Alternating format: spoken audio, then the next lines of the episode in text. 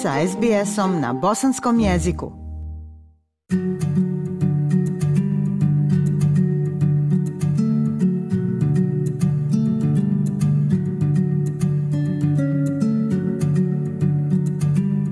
Slušate program SBS radija na Bosanskom. U narednim minutama donosimo novu epizodu vodiča za useljenike koja govori o tome šta je prikladno, a šta ne u našem ponašanju po australskom bontonu. Bonton se obično definiše kao uobičajeni kodeks pristojnog ponašanja i dobrih manira u određenom društvu, kulturi ili među članovima određenog društvenog ili profesionalnog kruga. Dakle, pitamo se šta je prikladno po bontonu u Australiji, a šta ne.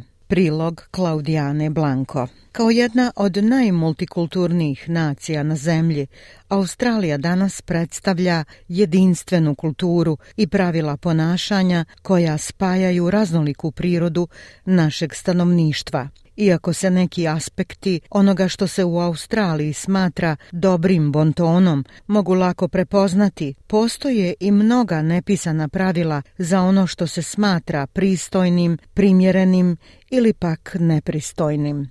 Amanda King je osnivač škole Australian Finishing – ona podučava ljude različitog kulturnog porijekla šta predstavlja prihvatljivo ponašanje u australskom kontekstu. Bonton se odnosi na ponašanje i norme koje se očekuju u društvu, a imati dobro ponašanje temelji se isključivo na nekoliko vrlo jednostavnih principa, a to se može odnositi na naš izgled i opšti stav koji čini tu sliku. Međutim, Ističe gospođica King u Australiji, dobar bonton zavisi od vašeg specifičnog okruženja i okolnosti. We Otkrili smo da živjeti u Australiji samo po sebi predstavlja pomalo anomaliju jer smo demografski i kulturno daleko od cijelog svijeta. Dakle imamo engleski jezik kao bazu, ali kulturološki uključujemo i evropski stil i i uticaj Amerike. Mi smo jedinstveni po sebi, ali smo i dio svijeta, tako da smo stekli obrazovanje u svim različitim aspektima iz cijelog svijeta. Ono što podučavamo je zaista nedefinisano i tiče se očekivanja u društvu. Gospođa King upozorava da jezičke barijere i kulturne razlike mogu predstavljati teškoće migrantima koji pokušavaju da se probiju u društvene ili profesionalne krugove. Ona kaže da je ključno razumjeti i slijediti prihvaćene protokole. They are really down to those basic ABCs, so it's our appearance and our behavior. Oni se stvarno svode na one najosnovnije stvari, tako da je u pitanju naš izgled i naše ponašanje. Definitivno najvažnije, kako jedemo i komuniciramo. A komunikacija je pravi ključ. Prvo, kako biti vješt sagovornik, tako da je na kraju krajeva to prilično teško kada vam engleski nije prvi jezik. Iako će novopridošlim migrantima možda biti potrebno vrijeme i praksa da nauče šta treba činiti, a šta ne, da bi se uljudno ponašali u Australiji, postoji vrlo važno mjesto za početak, a to je izbjegavanje postavljanja određenih pitanja koja se smatraju neprikladnim ili tabuima. Amanda King objašnjava. An Neugodna pitanja mogu se ticati veoma ličnih pitanja. Prije svega mislim na ona pitanja koja zaista izbjegavamo, posebno kada tek upoznajemo ljude, a ta pitanja se tiču bračnog statusa, financija, religije i politike. Ljudi žele razgovarati s drugima kako bi pronašli zajednički jezik, kako bi se mogli povezati. Dakle, moramo razgovarati o drugim temama, a ne o vrlo ličnim stvarima, pa tako izbjegavati pitanja koja bi mogla izgledati prilično uvredljivo. S obzirom na to da svaka kultura ima različite standarde o tome šta se smatra prikladnim ili neprikladnim, pitali smo neke migrante sa dužim stažom šta smatraju zamkama u australskom bontonu. Bin Masiu je porijeklom iz Hong Konga i već deset godina živi u Australiji. One example would be we have parents or grandparents telling us, you should eat more Jedan primjer bi bio, imamo roditelje ili bake i djedove koji nam um, govore, ok, treba obijasti više ili treba obijasti manje jer izgledaš debelo ili izgledaš mršavo. Ali kada sam stigao u Australiju, ja sam shvatio da bi neki ljudi to mogli shvatiti vrlo lično ili kao čistu uvredu, tako tako da im se ne sviđa da komentarišete njihov izgled, pa ni to koliko jedu. Sara je iz Maroka i u Australiji je već 15 godina. Kaže da je naučila da se razna pitanja koja je prihvatljivo postavljati u njenom kulturnom kontekstu smatraju veoma nepristojnim u Australiji.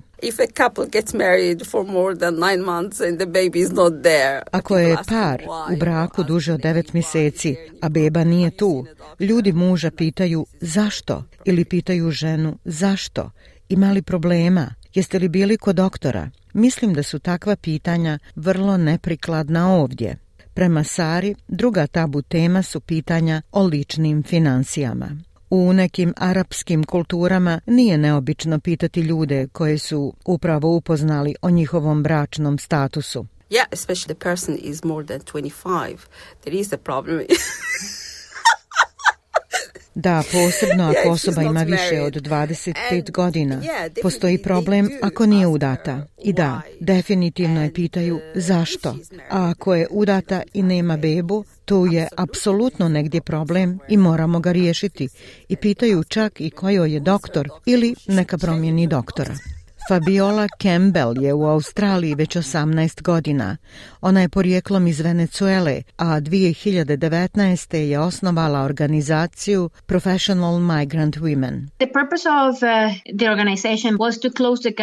Svrha organizacije bila je da se premosti jaz između migracije i profesionalnog zapošljavanja žena uz razumijevanje da je mnogo obrazovanih žena nezaposleno ili premalo zaposleno. Ovim ženama nije nedostajalo vještina ili iskustva, nedostajalo im je razumijevanje kako funkcioniše proces zapošljavanja ovdje u Australiji.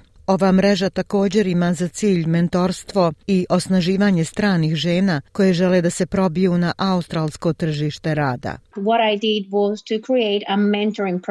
Ono što sam uradila je to da sam kreirala mentorski program u kojem su učile kako da se najbolje predstave, identificiraju svoju vrijednost, ali i da razviju narativ koji je u skladu sa načinom na koji se poslovi nalaze ovdje u Australiji. I ovo također spada pod široki kišobran bontona. Gospođa Campbell vjeruje da kulturne razlike mogu postati prepreka za obrazovane migrante na radnom mjestu, jer se umrežavanje i bonton odnose na izgradnju dobrih odnosa. There are certain things that Postoje određene stvari koje naučite na teži način.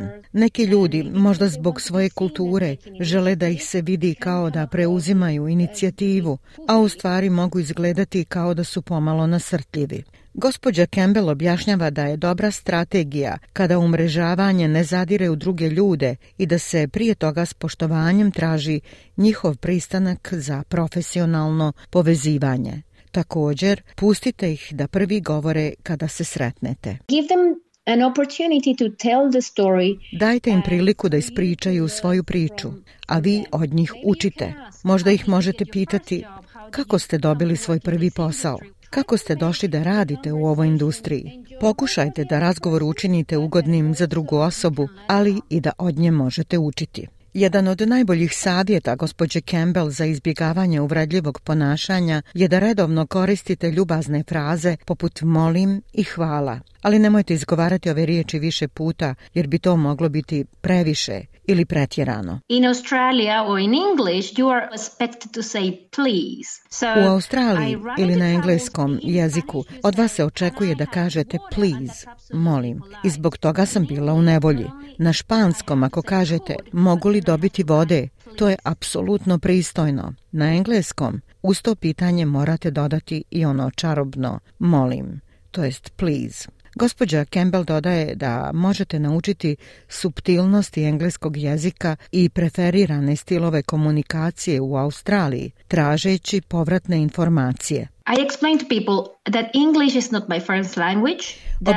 ljudima da engleski nije moj prvi jezik. Da, iako pokušavam da prenesem poruku s dobrim namjerama, to možda neće nužno naići na odobravanje. Prvo iznesem svoju namjeru i pitam ljude, ako se osjećaju uvrijeđeno ili im je neugodno, da mi daju povratnu informaciju.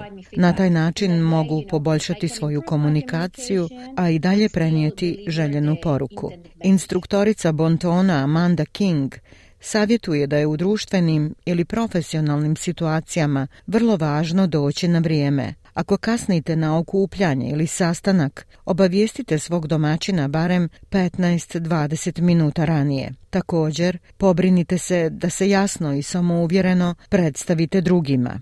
Međutim, gospođa Campbell želi da se migranti osjećaju opušteno, jer mnogi u Australiji rade s ljudima različitog kulturnog i jezičkog porijekla. Većina ljudi u Australiji imaju kontakt sa migrantima, a posebno migrantima kojima je engleski drugi jezik. Možda bi mogli bolje razumjeti da neki ljudi to ne misle, ali možda ne imaju jezičku vještinu da komuniciraju na pravi način. Ja sam Aisha Hadži Ahmetović. Ostanite uz program SBS radija na bosanskom jeziku. SBS na bosanskom. Podijelite naše priče preko Facebooka. Želite poslušati još ovakvih priča? Slušajte preko Apple podcasta, Google podcasta, Spotify ili kako god da primate svoje podcastove.